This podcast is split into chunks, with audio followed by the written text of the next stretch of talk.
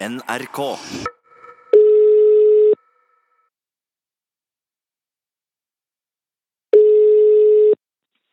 Neimen, nei. Hallo!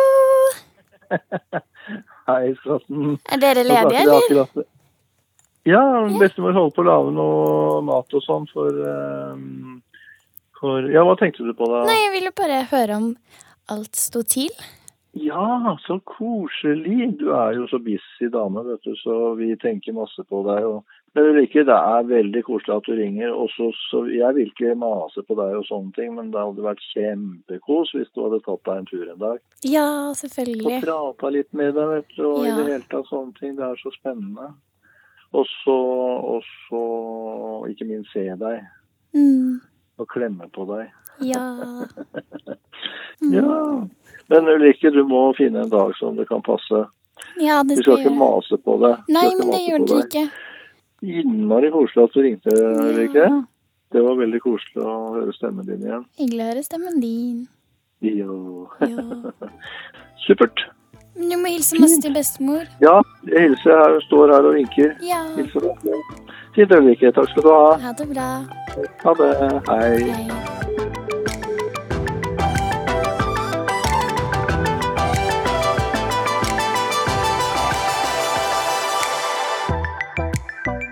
Allerede i første episode fortalte mamma at jeg tok opp mye plass i magen. Tvillingsøsteren min Emilie lå pressa ned i en krok. Hun fikk faktisk deformerte bein. Hun har alltid måttet lide pga. mitt behov for å ta plass. Jeg vet at jeg er egoistisk, og jeg hater det. Jeg har mye dårlig samvittighet for det. Men jeg vet ikke hvordan jeg skal være annerledes. Jeg kunne ønske jeg var flinkere til å prioritere andres behov foran mine. Hei, jeg heter Ulrikke Falk, og i denne episoden skal vi snakke om egoisme.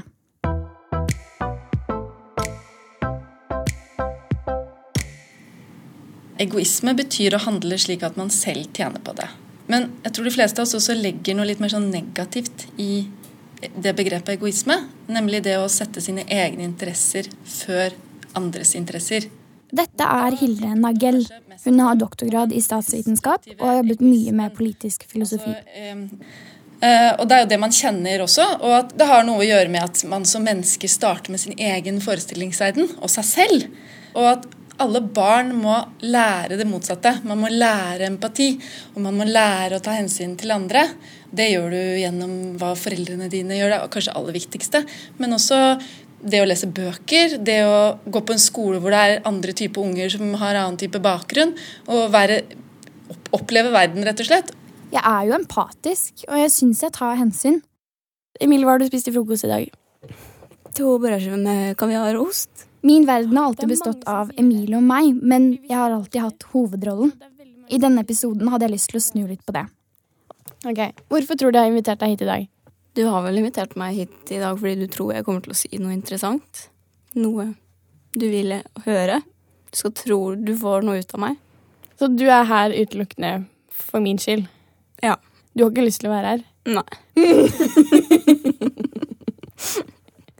Ok, Hvorfor er du her da? Nei, du har bedt meg om å komme, da. Ja. Og da stiller man jo opp. Ja, Men har du ingen annen tilknytning til denne problemstillingen som gjør at du er sånn Jo, vi, vi burde jo snakke om det. Folk burde jo høre om dette. Nei, folk burde kanskje ikke høre om det. Altså, Du har virkelig ikke lyst til å være her. Emilie, Jeg hadde mareritt, faktisk. hadde du det? Hva handlet det om? Tror det handlet om eh, mikrofoner.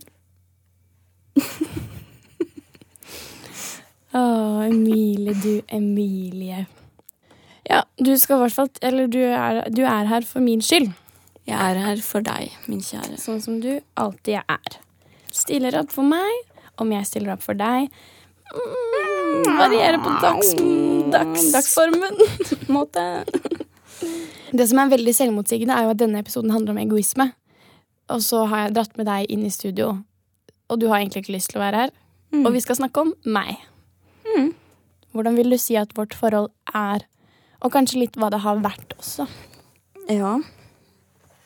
Uh, vårt forhold er vel Du kan prøve å late som du syns dette er interessant, da. Nei, ikke Jeg gjør jo det. Ja. Jeg bare syns det er uh, ukomf. Ja, men skal jeg gjøre noe for Ja, det går bra. Hvordan er ditt og mitt forhold? Ditt og mitt forhold er veldig godt, det. Vi har det veldig fint sammen. Mm. Og vi stiller opp for hverandre og ja, gjør det som trengs. Syns du det alltid har vært sånn? Nja Jeg tror det skjedde først på videregående. Det tror jeg òg. Da tror jeg vi innså hvilken gave det er å ha en tvilling. Ja. Og at vi skjønte at det her må man jo bare utnytte. Jeg husker det som at um, det startet med Jeg gikk jo på kunst og håndverk og var syk. Og så Du var mye lei deg, så du ringte meg og sa Ulrikke, jeg må møte deg. Og så møttes vi i gangen, og så sto vi og pratet litt og trøstet hverandre litt. Mm. Og så gikk vi hvert til vårt. Så vi stilte opp for hverandre. Ja, og vi sto ganske åpenlyst midt i gangen på skolen og gråt sammen, så Gråt jeg òg? ja. Ofte. Det vil jeg si. Mm. Og så tenker jeg jo at i, eh, vi har alltid vært Begge har tatt og skilt seg ut. Begge har vært veldig gode i basket eller fotball. Og, eh, altså å skille seg ut. Mm. Det har vi alltid gjort fordi vi er fantastiske mennesker. Men på videregående så delte det seg. Mm. Fordi jeg ble med i revyen og var skuespiller, mens du solgte billetter. Tenk hvis ingen hadde solgt billetter, si. Det var en kjempeviktig jobb. Fikk hun anerkjennelse? Nei. Hva er mine beste og verste tider? Dine beste sider handler vel om at du er eh, veldig kjærlig. Du har masse kjærlighet for de rundt deg. Og eh, er generelt veldig glad i de rundt deg. Dine verste sider er kanskje at du innimellom er mer glad i deg selv. Ouch. Ja. Var jeg litt for direkte nå? Nei. Det er veldig bra. Jeg, jeg, jeg hater jo den siden ved meg selv. Mm. Men din verste side handler om at du ikke gir nok plass til deg selv. At du ikke ser godt nok hvor viktig og flink og fantastisk du er. Mm. Og den beste siden din er at du stiller opp for alle hele jævla tiden. Utrolig reflektert og god samtalepartner. Um, liker du oppmerksomhet? Nei. Hvorfor ikke? Jeg har ikke noe behov for å vise meg selv frem når det er så mange andre bra som heller bør stå frem, da. Sikkert har tenkt sånn alltid, i hvert fall hele mitt voksne liv. Mm. Husker du hvorfor du begynte å tenke sånn?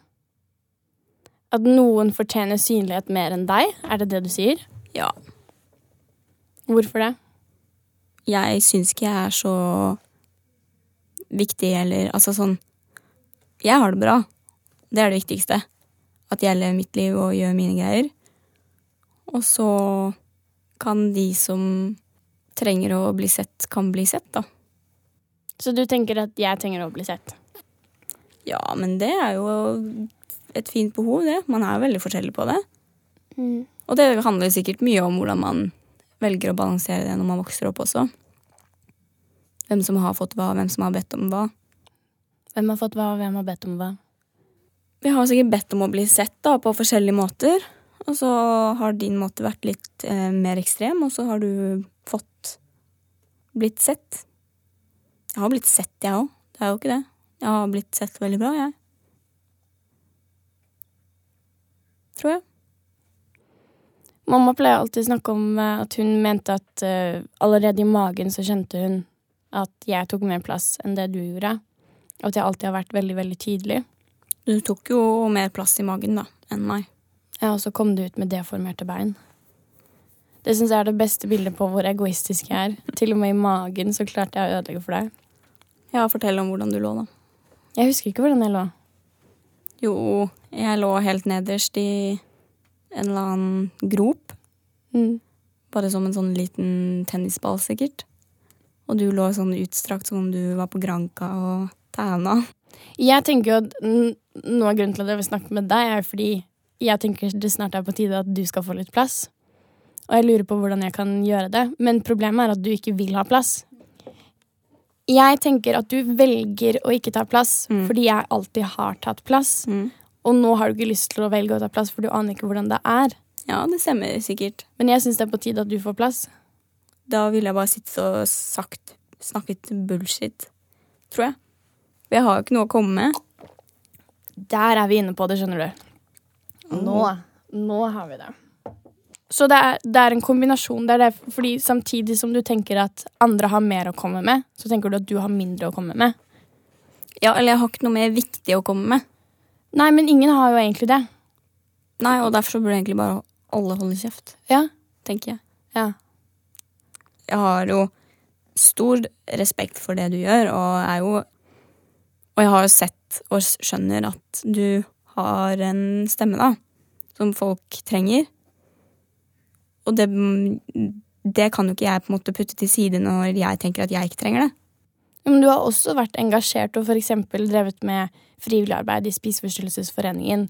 Tatt initiativ til en egen pårørendegruppe hvor du har sittet og tatt ansvar for mennesker du ikke kjenner.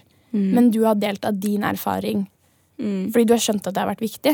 Ja, og det er jo også derfor jeg respekterer det du gjør, fordi man vet jo historisk sett at man må jo ha folk som går foran deg og gjør de feilene du gjør.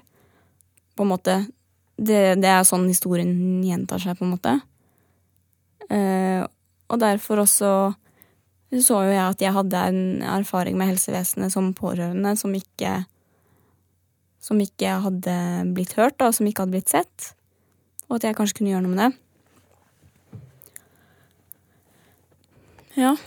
Mm, du bruker mye energi på å frustrere deg over ting. Ja, men jeg vil ikke at folk skal tro det, fordi det plager meg ikke, på en måte. At jeg Det er jeg ikke enig i. Ok, det plager meg, men jeg vil ikke at folk skal øh, vite det. Det er kjempebra. Nei. Jo. Nå hvor er knappen? Panikknapp. Ja. Hvorfor er det panikk? Fordi du innrømmer ting du ikke vil innrømme? Ja, fordi jeg prater om meg selv. Skal vi gå videre? Ja.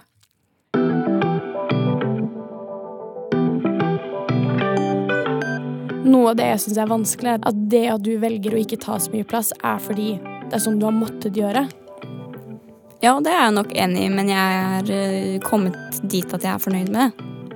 Jeg har, Ja. nok vært mer, jeg har nok vært mer sint for det før, og skjønt at sånn kan jeg ikke ha det. Jeg må jo bare akseptere at det er sånn det er. Og så får jeg heller øve på å ta mer plass i de arenaene som er nye og dukker opp, da. Og det er jeg jo veldig mye flinkere til. Kan du fortelle om det året da du var hjemme? Du hadde akkurat vært i militæret, eh, som var din største drøm, som du jobbet for helt siden 10. klasse. Um, og så fikk du ikke fullført befalsskolen, Mm. og så dro du hjem. Det var eh, kanskje det mest kritiske året for min For meg selv så langt. Emilie hadde drømt lenge og jobbet hardt for å komme inn på befalsskolen. Og hun klarte det. Men hun hadde presset seg selv så hardt fysisk at kroppen kollapset. Hun måtte hjem. Og selv om jeg som vanlig hadde mine greier, så var vel dette et av de tidspunktene i livet hvor hun hadde det verre. Men ja, det var et viktig år, fordi da skjønte jeg at jeg ikke på en måte kan kjøre på med den motoren jeg hadde fått da. og Sånn, bare la ting skje og gi Ja, og gjemme meg, da. Jeg tenker jo også at noe du utelater, er jo hvor viktig din relasjon til mamma var det året. Mm. Tell us about that. Ja, både min relasjon til mamma og pappa var veldig viktig det året. Um, de hadde jo Ja, du hadde jo flytta til Trondheim, og selv om det var litt krumelur oppi der òg, så var det på en måte plutselig plass til meg i Oslo, da. Men jeg opplevde jo også at det, det var fortsatt ting som var viktigere. Enn deg? Ja. Hva var viktigere enn deg? Nei, det er jo slemt å si, men Nei, det er ikke så veldig slemt å si. Men det var jo er- Det ligger jo i oss alle i familien at vi slipper alt vi har igjen hvis det skjer noe med deg.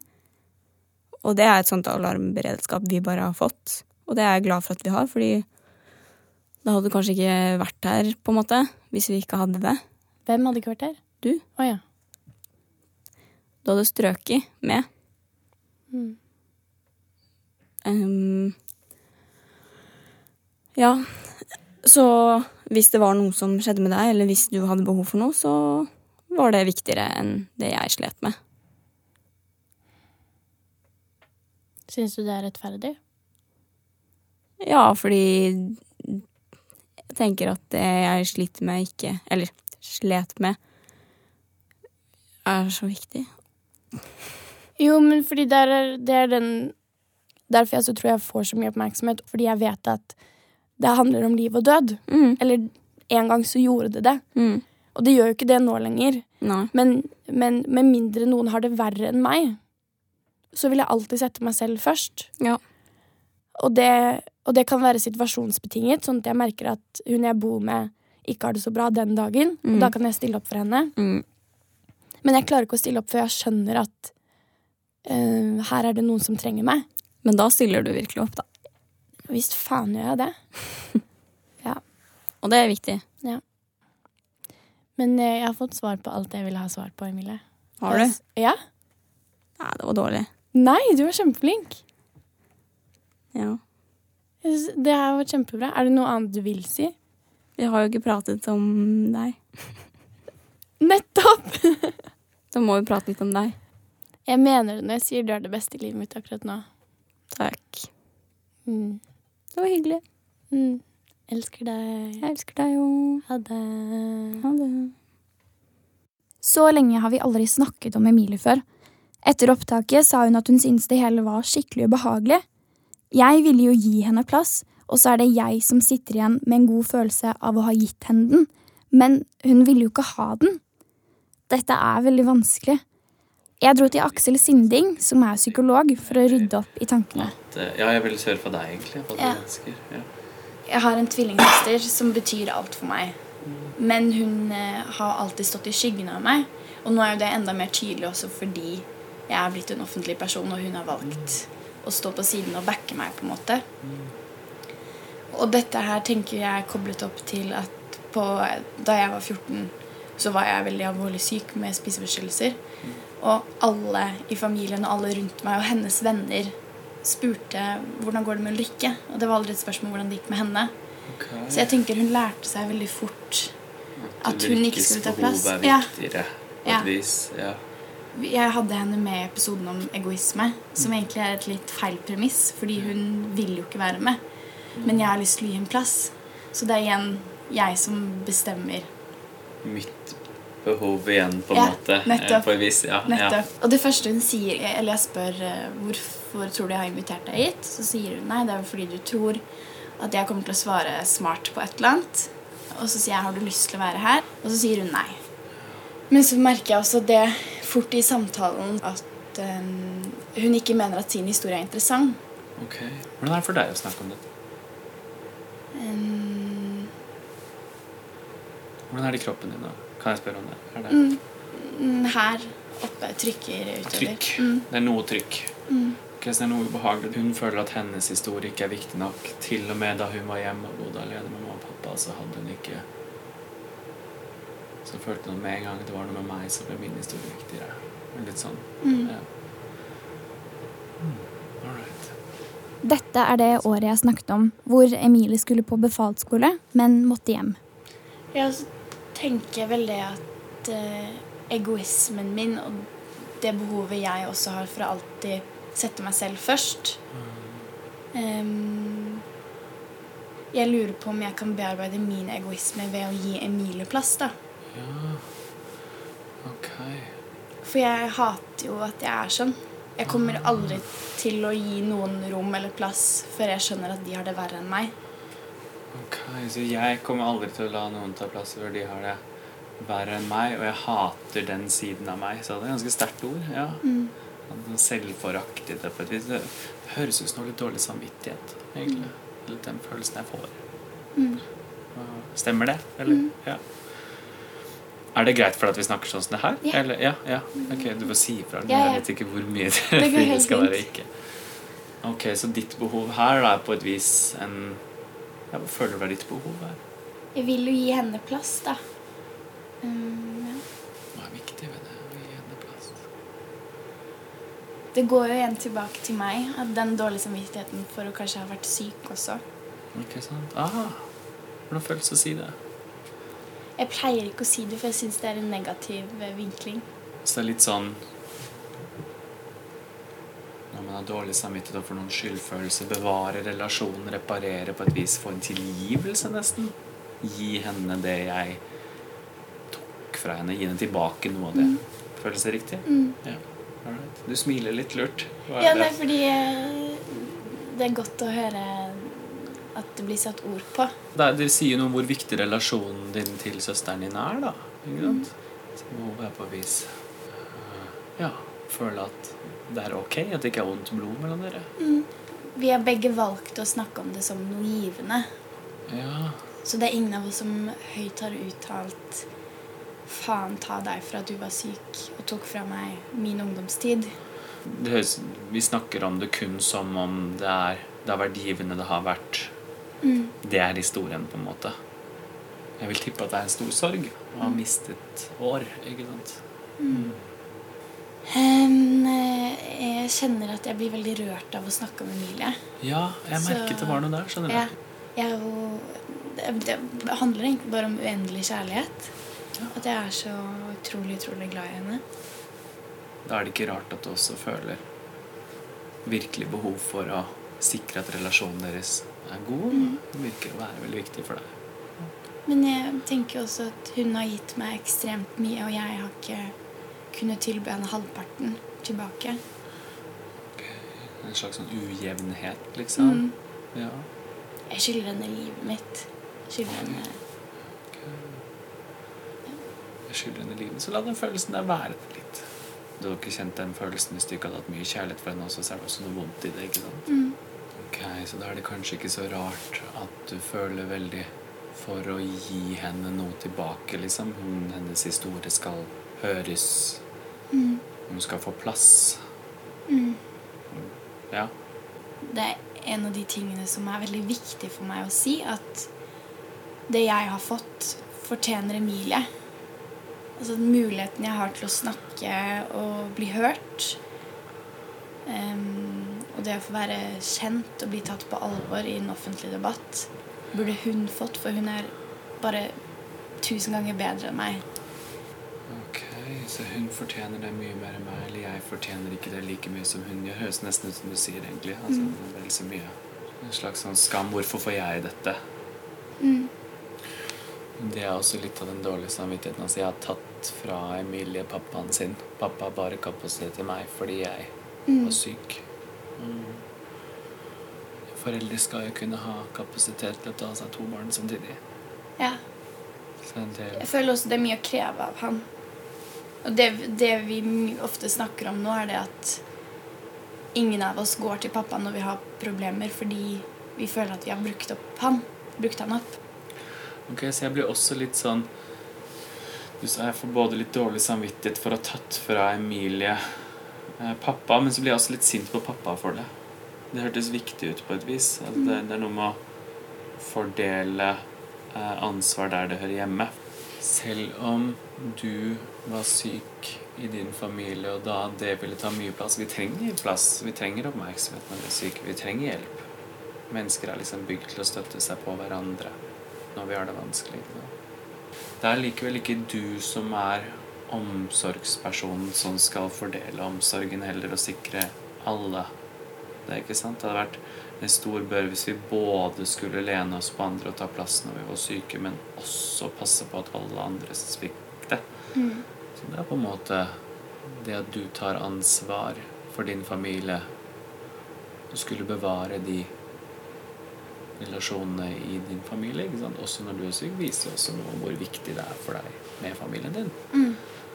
Og hvor viktig det er at vi mennesker føler at vi er trygge og har noen som tar vare på oss, elsker oss, er der, og de båndene er ivaretatt. Mennesker er ikke lagd for å være aleine, ikke sant. Nei, det, siste, det, det store spørsmålet, spørsmålet er jo hvordan kan jeg gi Emilie mer plass? Hvordan kan jeg betale henne tilbake? Og så hører jeg jo selv at det kanskje er en dårlig idé. At det handler om en tilgivelse som jeg egentlig søker. Ja, hvordan føles det å si det? Veldig riktig. Ditt emosjonelle behov er på et vis å vite at alt er greit Ja. mellom dere to. Og så er det vel Den tilgivelsen jeg søker, er vel en bekreftelse på at hun har det bra. Om hun kan tilgi meg for å ha vært syk, så er det kanskje et tegn på at uh, det ikke påvirker relasjonen vår lenger. Ikke sant? Altså, jeg er glad i deg uansett. Selv om du har vært syk, så er jeg glad i deg og elsker deg som søsteren min du er. Eller det føltes godt å ha hørt noe sånt. Ja, det var godt bare du sa det. Du kjente at dere sånn Å, det Ja, traff. Veldig. Men Stå fremover, ja. jeg skulle bearbeide egoismen min, og så går jeg på en måte tilbake til Ja. at det handler om meg. Ehm, jeg vil bare gi Emilie mer plass, for jeg tror det er viktig. Men så endte jeg igjen opp med å snakke om hvorfor jeg vil gi henne plass. Ja. Og det meste av vår egen atferd blir jo drevet av våre emosjonelle behov. Det er veldig vanlig. Jeg ser ikke på det som så veldig egoistisk å ha skyldfølelse. Nei. Jeg, helt, jeg pleier ikke å være så direkte og sånn egentlig. Og liksom, for jeg blir litt mer sånn la folk finne ut av ting sjøl. Sånn. Men jeg får litt sånn følelse at egoist egentlig er mer en litt sånn indre kritiker, det du kaller deg selv. Ja. For liksom og du er så egoistisk, du lot ikke henne få plass. Du er så egoistisk som ble syk. Du er egoist som tok så mye plass fra Emilie. Du er egoist som tok fra henne pappaen sin. Liksom litt sånn en sånn indre kritiker-ish. Noe sånt. Men jeg ser det ikke som så veldig egoistisk å trenge hjelp når man har det vondt. Og jeg ser det heller ikke som så veldig egoistisk å ha skyldfølelse fordi man har lyst til å sikre at du har en god relasjon med de du er glad i. Det høres ikke så egoistisk ut. Men det er ditt eget emosjonelle behov. Det Ja. er det. Vi trenger jo dekke våre følelsesmessige behov. Hva, hva faen skal jeg gjøre? tenker jeg på en måte. Hvordan, Hvis alt dette bunner igjen i meg, da, hvordan kan jeg gi plass til Emilie? Jeg tenker det er to behov som er viktige her. Å vite og kunne si til seg selv at, å Si til seg selv at du er god nok som du er. Og mamma og pappa elsker meg og vil ha meg uansett. Mm. Det er én ting. Og jeg og søsteren min har et godt mål. Vi er, hun er glad i meg. Vi er elsket. Det er det ene emosjonelle behovet. Så er det et annet emosjonelt behov, som er altså hvilket behov har Emilie her? Og det har vi ikke snakket om ennå. Um, hva vil du tippe er Emilies behov, da? Hvordan føler hun seg oppi dette? Ja, for, for saken er jo det at um, hun, treng, hun vil ikke ha så mye plass, selv om jeg tenker at det er viktig å gi henne. Det er kanskje mer ditt. Kan det være så enkelt som bare det å ha det bra, på en måte? Ja. Nå virker det som jeg ikke kjenner tvillingsøsteren min. Eller fader, jeg, jeg kan det er vanskelig å sette seg inn i andres emosjonelle. Når dere snakket om dette, da, hva, var det, hva har vært vanskelig for henne? Nei, øh, det er jo det språket vårt igjen. Så hun sier at hennes største emosjonelle behov er jo det at jeg har det bra. Så da jeg, det jeg vet faktisk ikke. Men, Så hennes største emosjonelle behov er også knyttet til et av dine behov. måte. Hun var hjemme i ett år, men ble ikke sett. Jeg vil tippe hennes behov er å bli lagt merke til, hun også. Men ikke nødvendigvis å ta masse plass. Eh, Da hun kom hjem fra, fra militæret, som hun hadde droppet ut av, som hun var veldig veldig lei seg for, så samlet jeg hele familien på overraskelsesmottagelse på Oslo S. Så vi sto der og tok henne imot. Sånn Her er vi, det går bra. Eh, Men hun hadde ikke lyst til det i det hele tatt. Og så gikk vi ut og spiste, og det syntes hun heller bare var super-ukomf. Um, men, jeg, men jeg hører at jeg legger mye av mine behov over på henne. At ting jeg vil ha, gir jeg henne, og så vil ikke hun nødvendigvis ha det.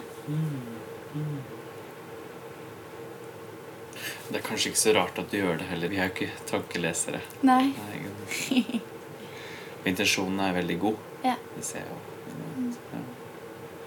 Husk at dårlig samvittighet betyr ikke nødvendigvis at du har gjort noe feil. ikke sant?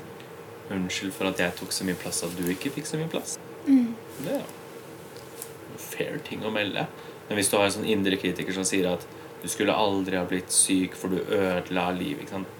Den er hardere, da. Hører du forskjellen med de to? ikke sant? Det er liksom En er, en er litt mer giftig enn den andre. Ja. Litt nyanser i hvordan man behandler seg selv. i det. Ja. Så kanskje jeg egentlig ikke er så egoistisk, da. At jeg vil ta plass og bli sett, men at mitt behov overfor Emilie handler om noe annet.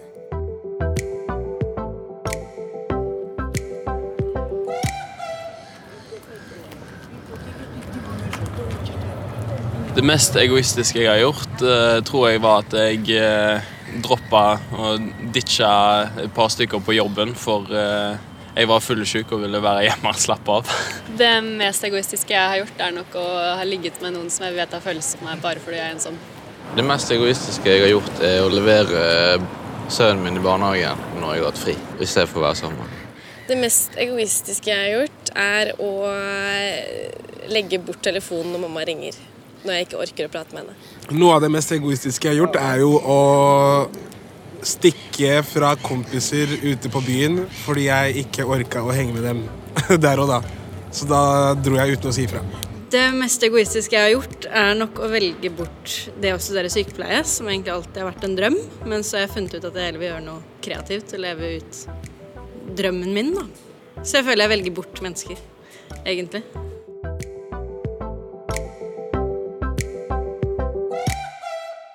Så er det jo den tanken om at alle menneskers handling er egoistisk motivert. At vi er snille mot andre for å selv få en god følelse. Filosof Hilde Nagell var ikke helt enig i det. Mange filosofer mener jo at eh, det er helt naturlig for oss mennesker å tenke i noen sammenhenger mest på oss selv og på sine egne nærmeste mennesker, eh, og mer enn f.eks. en vilt fremmed. Så skal du redde ditt eget barn, eller skal du redde en vilt fremmed persons barn? Eh, det er mulig at det moralsk sett, dypest sett, er riktig å stille de to likt, men mange vil nok også mene at det er eh, naturlig for oss og gode grunner til å prioritere sine nærmeste eh, høyere.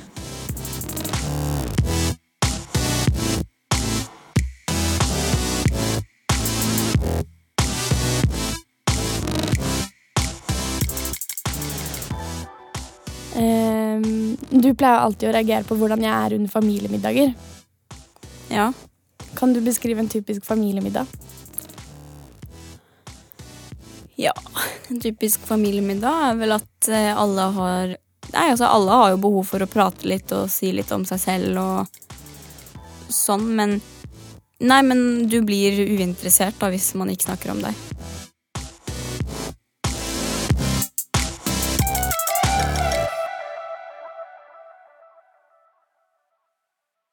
Hvis jeg hadde følt meg anerkjent og akseptert og bekreftet som den jeg er, og følt at jeg er god nok, så hadde jeg kanskje ikke hatt behov for å ta så mye plass. All oppmerksomheten jeg søker, kommer til uttrykk i aktivismen min. Jeg vil prøve å bruke plassen min i offentligheten til å bidra til samfunnet. Det er jo også derfor jeg har denne podkasten, fordi jeg tror at jeg har noe å komme med. Og selvfølgelig fordi jeg vil bli sett. Yes, vi går rett på sak. Eh, det som er, er at jeg har snakket om egoisme i denne episoden, og så handler det jo veldig mye om at jeg har dårlig samvittighet. Og den dårlige samvittigheten den henger jo faktisk igjen fra det at jeg har vært syk, eh, og at jeg har følt at Emilie ble et offer fordi hun ikke ble sett av deg. Så jeg bærer faktisk på skylden og skyldfølelsen for at du passet på meg og ikke hadde tid til Emilie. Ja. What you guys say about that? Det var litt sånn eh, Velkommen inn. Du har skylda for at jeg ikke klarte jobben min med Emilie. At jeg sier Ja, ja, ja jeg har skylda fordi jeg var syk, og du måtte passe på meg og redde meg fra å dø. Så vi kunne ikke prioritere Emilie. Ja, det, det, blir, det blir uansett helt feil. Hvorfor det? Nei, det, altså, det høres jo helt feil ut. Ja, Uansett hvordan man vrir Formuler det på en annen måte, da. Nei, jeg, jeg har egentlig ikke noen annen formulering på det. Jeg synes, eh, det, bare høres, det bare høres vondt ut når man sier det sånn. Vi snakker veldig lite om det, for det er jo veldig vanskelig. Det er riktig, det er vanskelig. Det er vel ikke så mye å gjøre ved det når ting som har skjedd, det har skjedd, så det er kanskje bare å prøve å gjøre det beste ut av det etterpå. Hva kan vi gjøre nå for å gjøre det beste ut av det etterpå? Jeg føler det ikke helt sånn nå lenger. Jeg synes jo på en måte at nå jeg har jo tid og rom til å prioritere begge to hvis jeg vil. Og det vil jeg jo. Hva er denne episoden skulle handle om, egentlig? Egoisme? Nei, hvor dårlig pappa du har vært! Call security 911. Child, child services, where are you? Well, here. Det er bra. Nei, det det er egoisme vi snakker om. Det jeg har kommet fram til i denne episoden, er jo at jeg har veldig dårlig samvittighet for at jeg har vært syk. Mm. Det skjønner jeg. Det er, det er ikke noe lett. Jeg syns ikke det er så lett, jeg heller. For jeg vet jo at det skjedde. At jeg måtte ha full fokus på deg, og at jeg ikke kunne ha så fullt fokus på Emilie. Jeg vet jo det. Jeg Har du kan- dårlig samvittighet for det? Nei, for jeg tenker at jeg kan ikke gå rundt og ha dårlig samvittighet når man bare prøver å gjøre sitt beste, liksom. Ja, men det, det er derfor jeg tok med deg inn, for jeg lurte på om jeg kunne lempe litt av den dårlige samvittigheten min over på deg. Nei, du tenker at jeg skal si at jeg har dårlig samvittighet, for da kan du ha litt mindre dårlig samvittighet for det? Ja. Ja. Det er, det er, jeg skal innrømme det at jeg har hatt mye dårlig samvittighet for det. Det skal jeg innrømme. Det er ikke noe problem. Jeg har dårlig samvittighet, har hatt masse dårlig samvittighet, jeg også. Det har jeg. Det er veldig fint du sier det. Mm. Jeg vil jo bare at Emil skal ha det bra. Ja, det vil jeg også. Vi vil jo Jeg vil at du skal ha det bra, jeg vil at hun skal ha det bra, at alle som er rundt oss, skal ha det bra. Mm.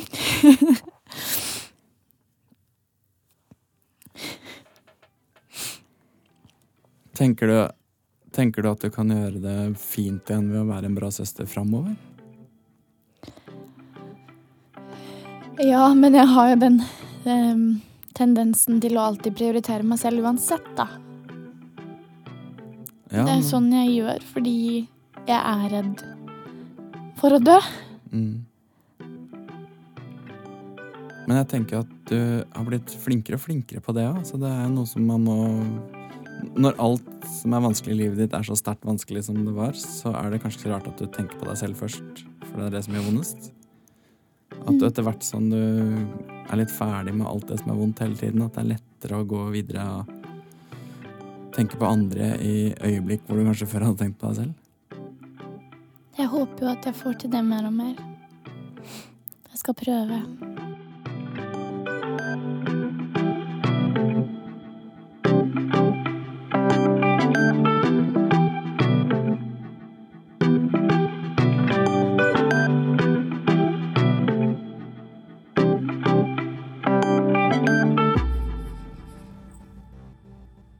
Neste uke skal jeg treffe Sofie Elise og Maria Stavang. Vi skal snakke om forbilder.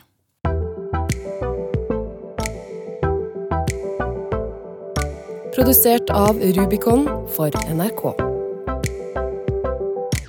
Du finner flere podkaster på p3.no podkast.